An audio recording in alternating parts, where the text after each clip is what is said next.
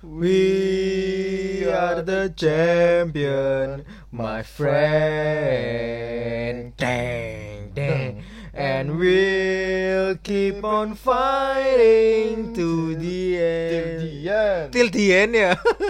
Oke, welcome to 8 to 5 podcast.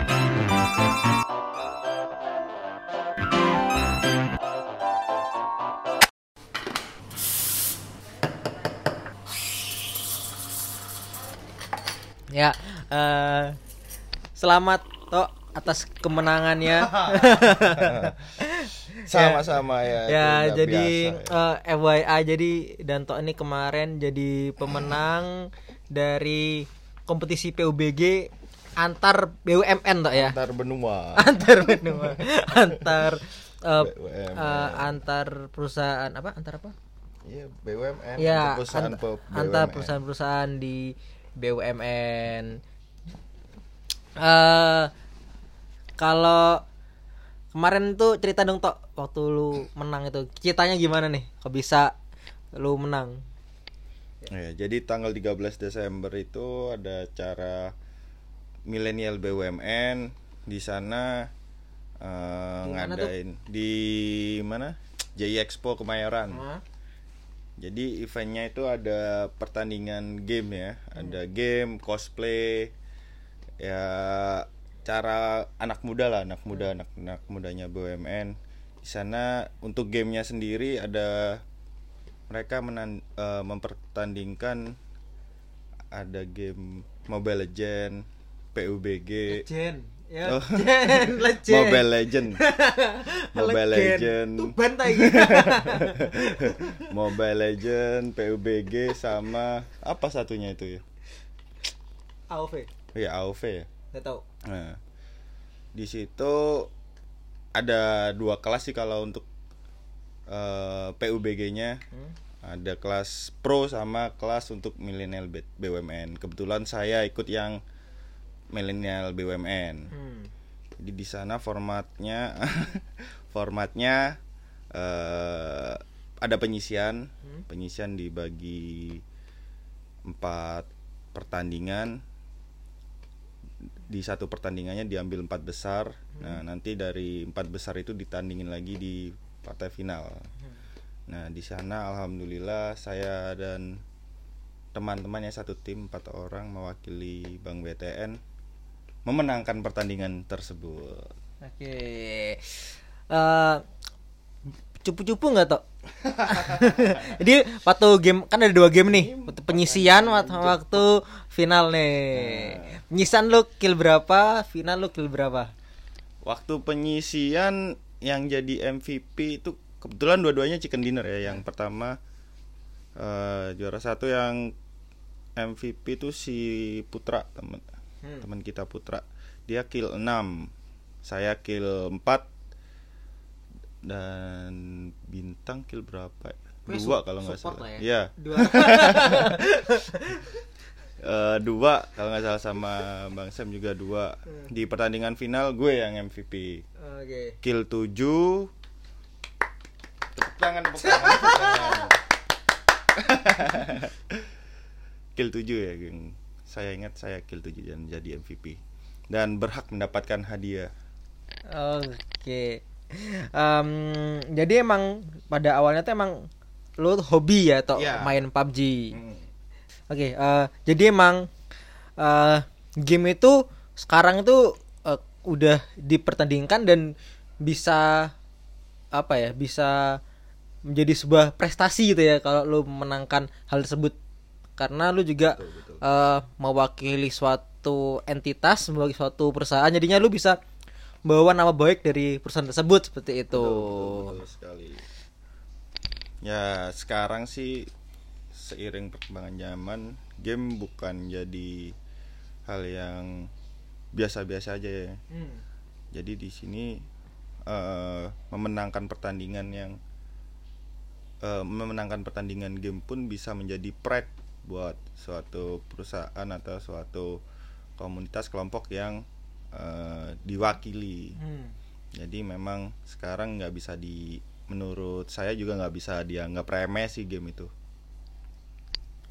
jadi ini ya apa gamers itu pandangan dari sosial masyarakat tuh sudah harus mulai bergeser ya dari uh, seseorang yang dulu dianggap sebelah mata sekarang itu sudah mulai uh, dilirik bahkan jadi mata pencaharian itu ya sekali. jadi kar- kalau kita lihat tuh dari nggak salah ya ingat gue dari top 10 eh, top subscriber YouTube Indonesia Hmm. sekitar empat tuh nggak salah eh gamers Nah, genrenya game ya. Ha, genrenya game Ad- eh, let's say ada eh, Just No Limit ada si Hime Hime Kime. Hime Kimi Iya. ya lalu Reza Arab pun dulu juga gamers ya Gamers ganteng idaman.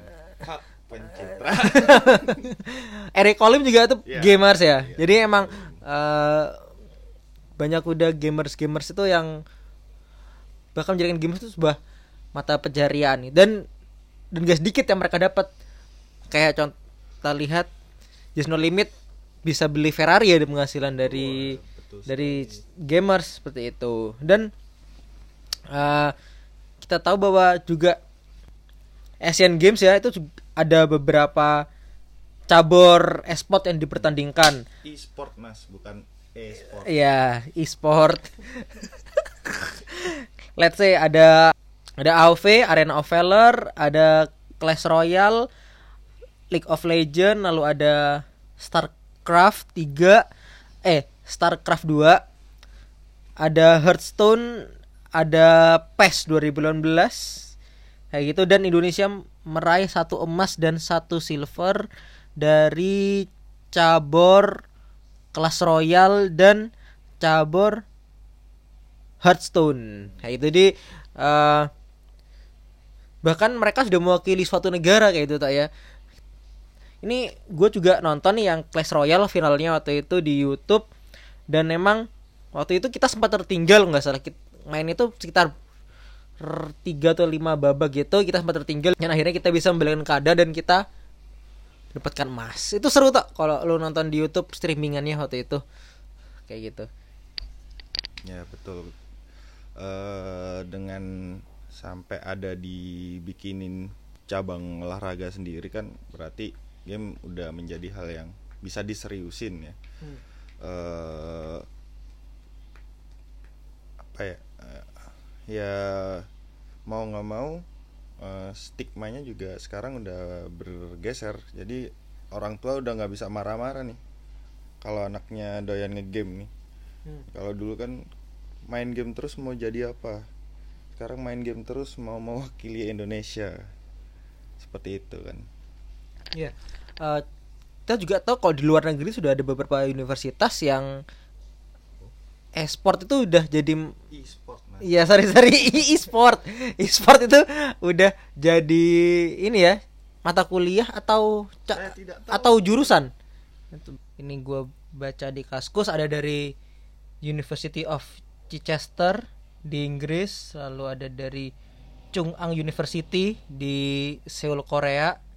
Ini juga udah ada jurusan e-sport di Amerika di di California dan di Miami juga sudah ada kayak gitu. Jadi eh, emang udah bukan jadi emang udah bukan hal yang dapat diremehkan lagi ya untuk games sendiri kayak gitu. Karena emang gamers gamers sekarang ini kan udah bukan hanya sekedar hobi tau ya. Jadi jadi dia juga bisa menghasilkan rupiah dia bisa menghasilkan uang bahkan menjadi mata pencaharian seperti itu kan Nah, eh, kalau kita tahu kan kayak gamers contoh Just No Limit dia kan eh, suksesnya tuh dari hobi dia ngegame lalu sekarang punya Ferrari dan menjadikan game itu suatu penghasilan. Dan juga kita kita lihat lagi ada seorang yang melakukan hobinya lalu menjadi usaha.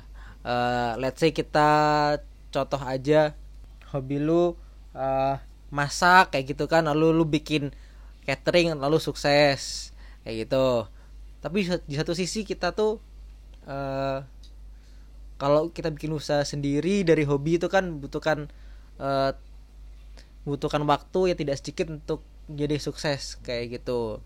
Nah lo milih mengikuti passion lo berhobi untuk menghasilkan uang atau lo udahlah yang penting gue kerja gue dapet duit.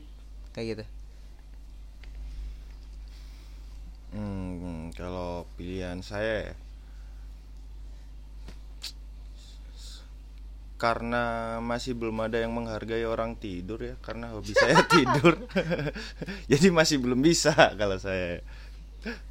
Nggak lah eh, kalau menurut saya kalau gue sendiri sih kan sekarang kerja di perbankan ya yang emang bukan bukan passion ya sebenarnya. Karena memang itu untuk untuk mencari uang.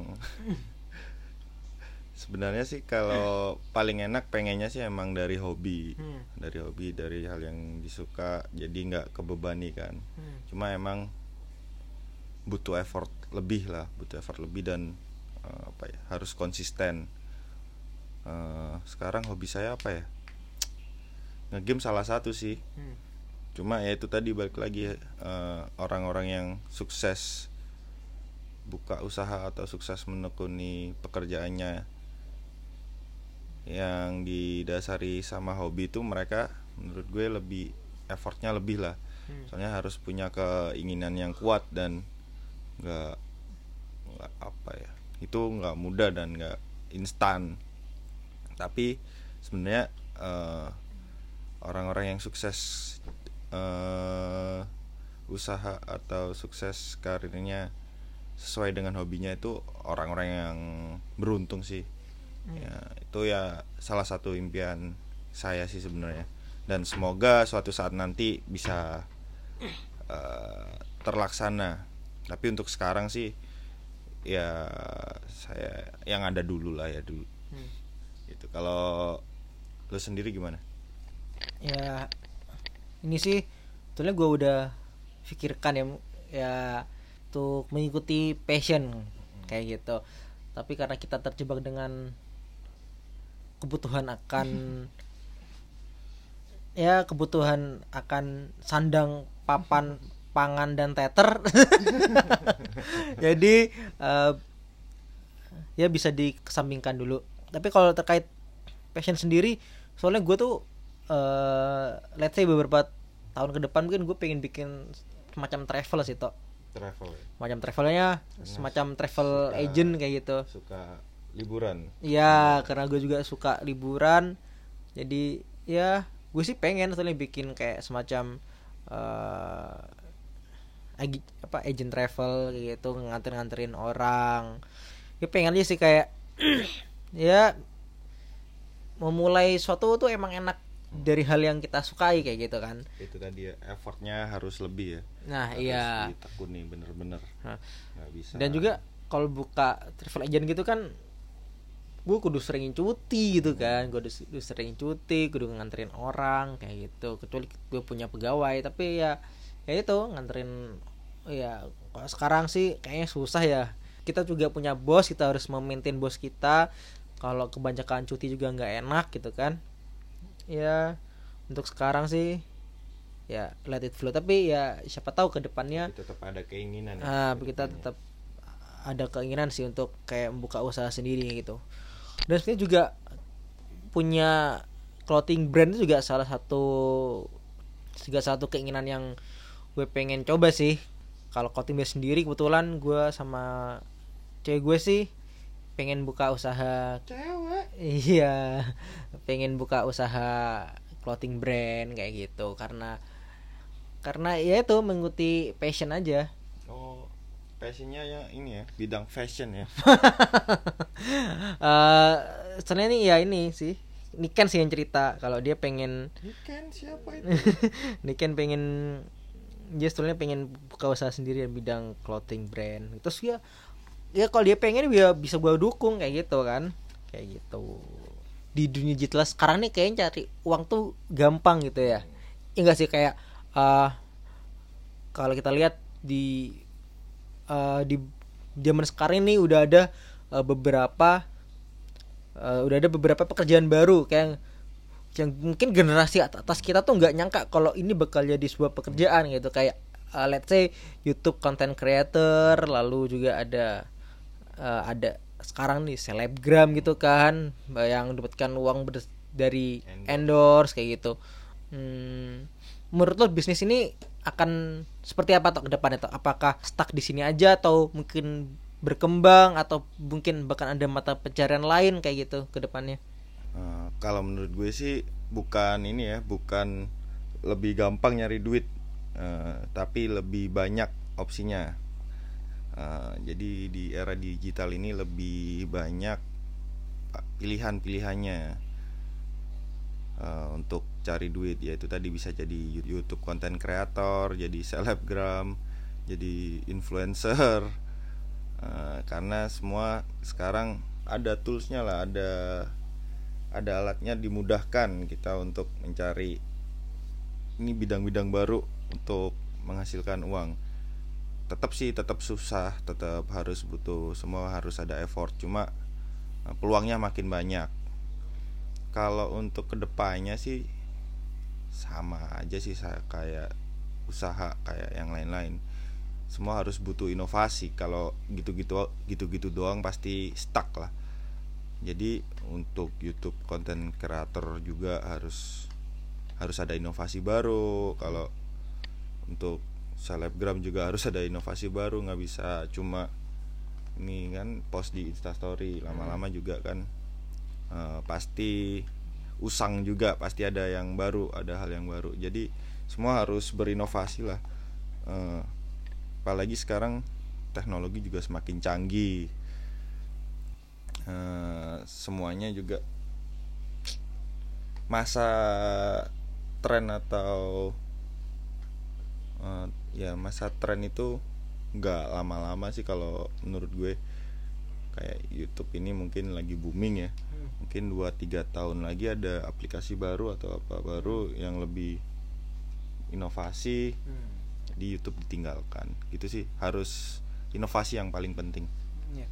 itu sih emang kalau kita lihat mungkin dari kalau kita dari ilmu itu kan ada produk life cycle tak ya yeah. ada masa introduction ada masa growth maturing dan decline kayak gitu kan ya kalau sekarang tuh gua kalau gue lihat tuh masa produk life cycle makin lama tuh makin pendek kayak gitu hmm. introduction lalu growth ya growthnya tinggi maturenya pun maturenya nggak terlalu bentar. lama gitu kan bentar doang. Ha, bentar doang dan langsung decline kayak gitu ya itu itu seperti tren itu kan ya kalau sepatu lu ada udah ada indikasi decline tuh lu harus buat inovasi baru. baru lagi, introduction lagi, growth lagi, mature, lalu decline lagi, introduction lagi gitu kan. Kalau dulu produk life cycle tuh lebih panjang lah itu masanya. Kalau makin dengan dunia digitalnya makin lama produk life cycle tuh makin pendek kayak gitu. Jadi emang inovasi itu emang harus tiada henti.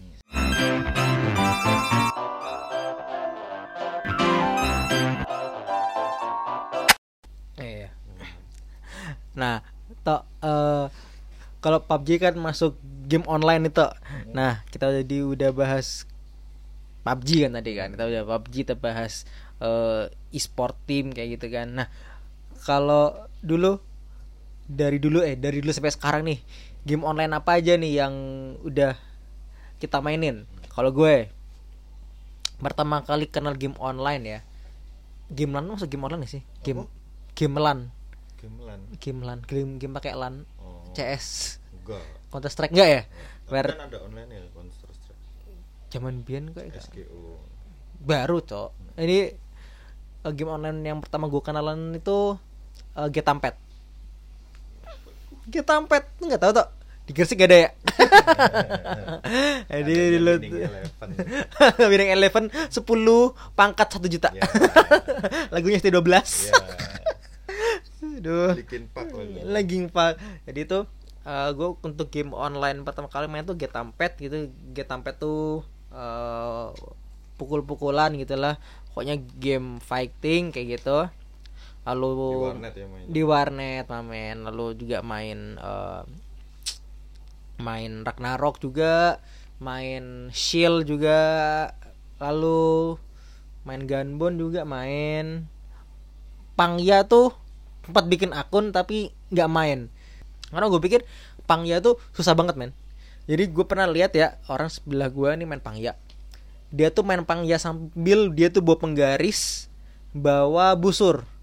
Itu entah gimana cara ngitungnya pokoknya kayak dari rumus gitu. Dia tuh bawa penggaris ditempelin di komput di depan layar. Anjir sumpah freak banget. Itu game apa sih? pangya. Pangya tuh eh, game golf. Oh, kalau tahu ada game golf tuh pangya tuh sampai diukur sama orang itu online. Anjir, online. Online itu sekitar SD SMP ya. Lalu terus gua sempat vakum karena waktu SMP tuh nilai gua jeblok, sempat jeblok gara-gara main game, Nah, bodoh hanya. sempat hampir nggak naik kelas. Anjir, itu sumpah freak banget. Lalu SMA gua main lagi itu PB, PB. point blank, point blank gua main waktu itu kalau nggak salah pangkat terakhir gue main PB itu melati. Melati warna hijau. warna hijau. Eh, gak lupa melati berapa pokoknya itu melati warna hijau. Itu terakhir main PB PB tuh cukup menghabiskan uang ya. Hmm. karena kalau nggak salah kayak Mesti kayak kayak krisau Ya, itu kan ya. cuma seminggu nggak salah kan ya? Hanya item-itemnya tuh cuma bisa seminggu bertahan lalu beli lagi beli lagi kayak gitu Ah, kalau senjata andalan sih ya Chris sih gue inget emang Chris tuh kayak senjata legend banget sih dulu tuh kalau di PUBG cupu. senjata cupu ya satu jadi dua kalau itu sama kayak kalau di PUBG sama kayak Vector gak sih Iya, Vector. Vector tuh Chris ya? Satu. Oh iya itu salah satu senjata andalan kalau di PB. Oh iya di luar di luar PB itu ya Mobile ya? selanjutnya ya main game-game mobile sih lebih ke arah game-game HP. Ya Clash Royale. ya main Clash Royale main. Eh, Lalu apa lagi ya? Game online ya main ya Pokemon Go, Pokemon Go. Pokemon Go, Clash Royale. Tapi nggak bertahan lama ya Pokemon Go ya. Pokemon Go sempet kita free gila gak sih tak? Enggak lu.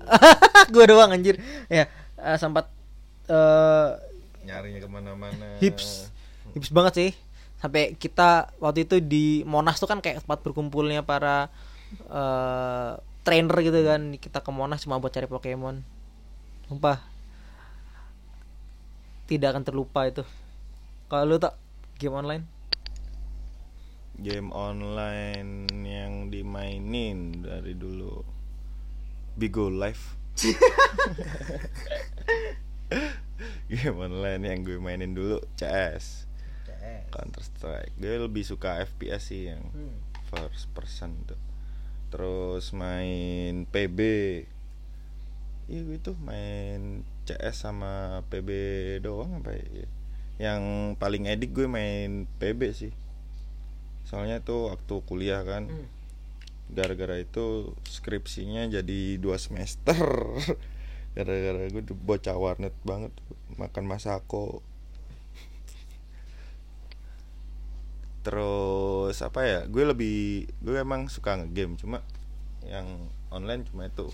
Gue lebih banyak ngegame ini sih di PS konsol. Nah, jadi main bola, game bola. Terus dulu gue sempet PS waktu zamannya PS1 tuh. Ada satu lemari tuh kaset PS1 semua itu. Karena Offline dulu- ya? Heeh, offline. Itu gue dapet tuh kelas berapa? Kelas 5 SD. Nah, itu dulu gue eh, dibolehin ngegame cuma hari Sabtu Minggu terus SMP beli PS2 udah makin gak kontrol kuliah baru main game online baru main CS sama PB dan gue punya cita-ci- cita-cita juga sih pengen bangun PC ya. Cuma duitnya masih belum ada jadi ntar-ntar aja. Dan sekarang mainnya itu eh, game-game mobile. Kayak PUBG Clash Royale. Apalagi ya? Main apa lagi? Pokopak sama Land Get Rich main gitu. Itu semua. Itu selain Clash of Clans Clash Royale Pokopang sama Land Get Rich itu sumpah dulu gua hampir ti- hampir tiap kalau ke warung tuh kalau di waktu di TS tuh sumpah tuh mainnya dua game itu Pokopang dulu atau Let apa Get Rich dulu ya Eh, Pokopang dulu, Pokopang dulu baru Get Rich. Pokopang itu edik banget sih padahal main gamenya kayak gitu-gitu doang kan. iya Cuma pokopang seru aja ya kan. Eh, apa ranking-rankingan sama ranking temen-temen rankingan lain. seminggu itu ya kita kita beradu gengsi. Hmm. Eh, siapa nih yang apa yang ngumpulin apa ngumpulin cherry nggak salah ngumpulin apa ya dulu tuh ya? Enggak, high Cuma score, high high score. ya ngumpulin high score. Kalau get rich tuh ini eh dulu tuh ngabisin Sama. pernah gue sampai beli dadu gitu kan? Beli dadu, ya. beli dadu ya equipnya ya equipnya. Ini satu lagi yang nggak gue lupain game.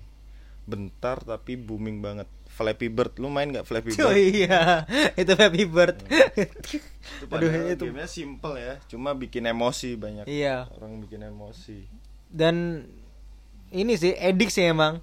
Tapi cuma bentar paling gue cuma main itu cuma seminggu dua minggu tuh. Ya karena emang cuma cekling cekling cekling. Ya kayak dulu main 2048 gitu kan. Itu juga sempet hype juga kan. Ya cuma sebentar cuma seminggu paling gue tuh udah bisa kok. Kayak gitu 2048 tapi game yang paling banyak lu ngabisin duit di sana apa? Game apa? PB sih. PB ya sama, PB sama. PB tuh karena kalau gue dulu main Getampet Getampet pun gue juga ngabisin duit. Hmm. Eh, tapi waktu itu Getampet tuh let's say gue masih SMP Hmm. gitu ya. SMP tuh ya duitnya dikit kayak gitu kan. Uang jajan juga nggak seberapa gitu. Atau SMA nih. Hmm. SMA kan ya ada kenaikan uang jajan lah istilahnya nah gue eh, sisihkan Pakai buat beli cash ya. Iya sedikit buat beli voucher. beli voucher itu eh voucher PB eh, lalu buat beli item-item. Tapi emang sekarang sih kayaknya game-game kayak PB tuh udah udah nggak laku lagi kayaknya ya, udah kalah sama permainan kayak survival kayak PUBG gitu kan. Ya kalau dulu kan kita kan waktu PB nih sombong-sombongan item. Wih, anjir itemnya keren. Kalau dia mati kita ambil dari kuburan ya. Benar, Itu tuh benar, benar. cara seorang eh, newbie yang tidak memiliki uang namun senjata senjatanya bagus, ambil dari mayat. Eh, diambil. ambil dari mayat. Benar. Sekarang kayaknya PB ya mulai tergeser ya Hmm. sama game-game survival yang emang kalau menurut gue sih lebih menarik sih kalau Adil ya? Eh, lebih adil dan lebih menarik. Karena sebagai kalau gue sebagai gamer ya kalau game survival itu tempat sembunyinya terus eh apa ya, tempat sembunyinya lebih banyak dan nggak mapnya kan gede. Jadi nggak di sana sana doang. Jadi lebih menarik lah kalau menurut gue. Tapi nanti bakal ada lagi siklusnya game lagi yang lebih menarik lagi lebih menarik karena itu tadi yang balik ya inovasi itu nomor satu Nah, ini sekarang nah sekarang gua akan membacakan 5 game terpopuler selama tahun 2018 gitu. Ini menurut bibom.com gitu. Dan ini emang menurut gue sih emang eh, ini sih eh, pas lah kalau dilihat. Jadi yang pertama ada PUBG. Nah, PUBG ya dia ini the biggest and the most popular battle royale game out there. Ya karena emang ke- kita tahu sekarang PUBG itu menduduki di di App Store dia menduduki nomor satu kayak gitu. Nomor duanya ada Fortnite ya. Jadi Fortnite sama PUBG ini stolnya sama genrenya ya. Jadi eh, battle royale ada s- kalau Fortnite ada berapa orang? 100 juga. Iya. 100. 100 ya. Jadi kalau eh, Fortnite tuh kayak di dunia fantasi gitu sih. Hmm, hmm. item-itemnya juga lebih animasi lah kayak nih, PUBG juga animasi cuma lebih apa Kalau PUBG tuh lebih realistik gitu kan Ya, senjatanya ada senjatanya tuh item-itemnya senjata senjatanya tuh lebih realistik kayak yang di senjatanya tuh kita nyata. tahu ada gitu di dunia nyata kayak eh, AKM, M16 itu gitu ada di dunia nyata. Kalau di Fortnite sendiri kan eh, tembak laser na- beam gitu ya ah, laser beam bahkan lu turunnya bukan dari pesawat, Iya, dari bus, dari dari bus. dari bus, Bus pak terbang. bis terbang. Lalu lu turunnya eh, pakai kendaraan yang Green Goblin gitu kan. Hmm. Kita gantung gitu kan. Lalu kita juga bisa ya pokoknya lebih animasi lebih fantasi lah istilahnya ya kayak gitu lalu ketiga ada Overwatch ya Overwatch ini emang salah satu game terbaik gitu ya. Bahkan eh gue sempat main waktu itu dan emang gamenya seru sih. Seru juga. FPS nah, lalu ada Dota 2 kalau Dota dulu ya. eh, dari dulu zaman SMA eh SMA udah ada nggak sih? SMP gue juga udah ada. Dota ya? Nah, Warcraft Dota ya? 1, Dota 2. Dota gitu. 1 Warcraft kayak gitu kan saya. Gue nggak main sih. Kalau lu main toh Dota atau Warcraft Eh, atau ya? gue pernah main cuma nggak lama sih nggak nggak seberapa suka juga soalnya ya itu sih eh, rumit jadi cocok buat orang-orang yang suka kerumitan main Dota karena item-itemnya itu eh, kita bisa mix mix gitu Hmm. sih setahu gue kayak gitu dan sih. emang ini sih dia eh, apa ya, survive cukup lama juga kan dari kita dari gue SMP sampai sekarang pun penikmatnya juga masih ada gitu. Hmm. lalu yang kelima yang terakhir nih ada CS:GO CS:GO ini Counter Strike ya. Ini Global Counter Strike ini eh, legend banget lah dari zaman dulu Half Life ya Half Life kita mainnya sama LAN itu kan teman-teman teman sewarnet anjir sumpah. Itu sampai di warnet teriak-teriak kan anjing siapa yang bunuh? Wah siapa yang bunuh? Itu kita sempat ngalamin tuh ya itu zaman SMP kita 2000 eh gue SMP enggak tuh lu? Gue SD nggak mungkin lo SMA pasti waktu itu tahun 2007 ya ya sekitar Iya. 2007 gitulah 2006 gitu. Sempat inilah SD masa-masa masa-masa siang hingga sore sebelum ngaji Hmm, ke warnet buat main CS. jadi Eh enggak toh, SD toh. iya gue SD Iya bener bener bener bener. Dari dari SD gue masih inget gue main CS itu di warnet di dekat eh, rumah teman gue di Jalan Blimbing di Jember. tidak ada oh iya iya nggak ada yang tahu. Apa juga gue cerita ya. eh iya bener Blimbing ya. Ya udahlah. Ya, Tidak iya bener bener bener bener bener. bener. dari zamannya dulu gambar masih kotak-kotak sampai sekarang udah eh, resolusinya udah HD ya Map Itali. ya map Itali sama Assault nah ya emang itu apa ya mungkin game wajib sih game wajib anak-anak zaman dulu Eh, yang suka ngegame pasti mainnya CS sampai sekarang ada CSGO yang Global Offensive. Tuh gambarnya gue main lagi wih, beda jauh lah. Eh, main CS yang dulu bikin sakit mata. Itu gue kalau main game tuh dulu tuh inilah sejam dua jam lah. Pokoknya se- sebelum ngaji gitu main game dulu. Ya cukup memorable lah itu. Itu ap- jadi satu apa ya eh, membangun karakter kita untuk ingin menjadi pemenang tuh ya. Ya, emang ada ini manfaatnya. Jadi kita terus berkompetisi gitu kan ingin menjadi pemenang kayak gitu. Kalau gue dulu sih main PS ya. PS kalau dimarahin harusnya apa? Belajar bahasa Inggris. Ya, dulu main Harvest Moon kan. Gue "Eh, dimarahin kan. "Heh, kamu main PS terus ya kan? Kapan belajarnya? Besok ujian." Gue bilang aja ini belajar main game ini belajar bahasa Inggris. Coba lihat ini kata-katanya kayak gini gini gini. Nah, itu sebenarnya pembenaran ya. Tapi emang ada ininya juga sih gue eh, ngerasain manfaatnya sih kayak main Harvest Moon. Kan bahasa Inggris semua tuh dia cerita ini maunya apa ya? Mau nggak mau kita buka kamus kan cari tahu ini pengennya apa, questnya disuruh apa, misinya disuruh apa. Jadi sebenarnya semua ada positif negatifnya agak asal nggak berlebihan kan. Seperti itu kalau menurut saya. Eh, lo dulu main Harvest Moon berhasil ngawinin pupuri gak sih tak Puri itu yang mana ya? gue dulu sempat beli ini loh, eh, apa? Bukunya. Jadi gimana caranya terus ada kayak es apa sih? Easter egg ya? Oh, pupuri itu yang ini ya. Itu yang punya Tuh. punya apa sih itu? Punya iki ya? Kuda. Pu- pupuri itu sing apa ya Enggak sih kalau gue dulu sukanya eh dulu pu- pupuri itu Enggak, gue Popuri itu ingat gue salah satu legend yang susah dikawinin deh. Oh gitu. Gue Harvest dulu suka emang suka kalau waktu Harvest Moon sama si ini yang suster itu. Oh iya, Suster sama Karen ya yang rambutnya kuning tuh. Itu sih gue, tapi yang gue nikahin pasti sih yang suster itu soalnya bondol, cakep. Kalau lu siapa lu? Eh, gue sih gue gue sih lupa ya pokoknya gue masih ingat popuri ini salah satu yang susah dikawinin lah.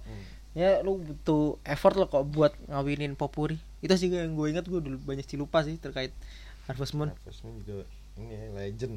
Iya. Back to nature.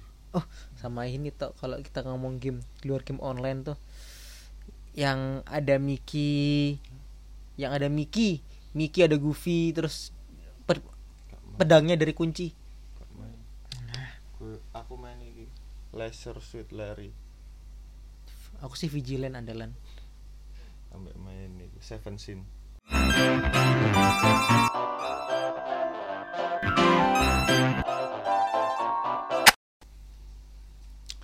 Eh, jadi inti dari pembicaraan kita tuh adalah eh, do it with your heart gitu kan. Kayaknya kalau lu ngelakuin sesuatu hal itu dengan hati karena lu suka karena lu passion eh, lu bakal melakukan itu dengan maksimal dan hasil yang kita dapat juga maksimal kayak gitunya. Ya emang selayaknya kalau lu kerja tuh emang bekerja yang mengikuti passion kayak gitu. Ya itu sih. Itu juga jadi satu pemikiran gue untuk ke depannya kayak gitu terkait karir gue. Kalau lu tak Kalau gue ya eh, dari yang kita omongin tadi, kalau gue lebih ke ininya eh, apa ya?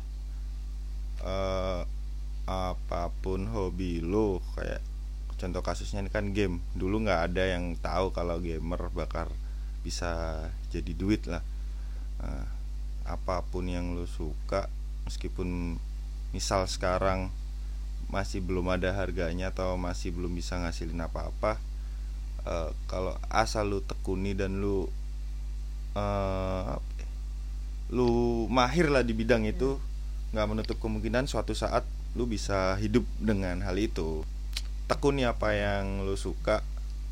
Walaupun sekarang masih belum kelihatan mungkin suatu saat bakal eh, dihargai lah. Suatu saat ada harganya. Atau kalau yang lebih ekstrim lagi lu yang bikin tren itu. Lu yang bikin eh lu yang bikin lu yang mengawali tren itu. Jadi lu bisa dihargain oleh orang lain seperti itu.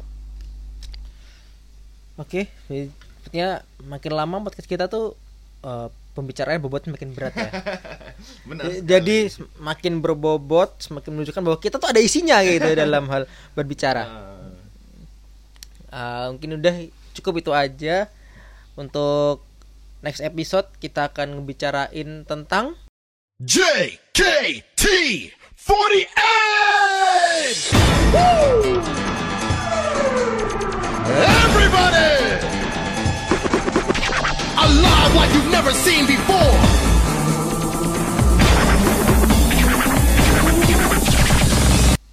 nah udah berdatawan kita bicarain apa tunggu aja eh, episode tersebut dan Rian sign out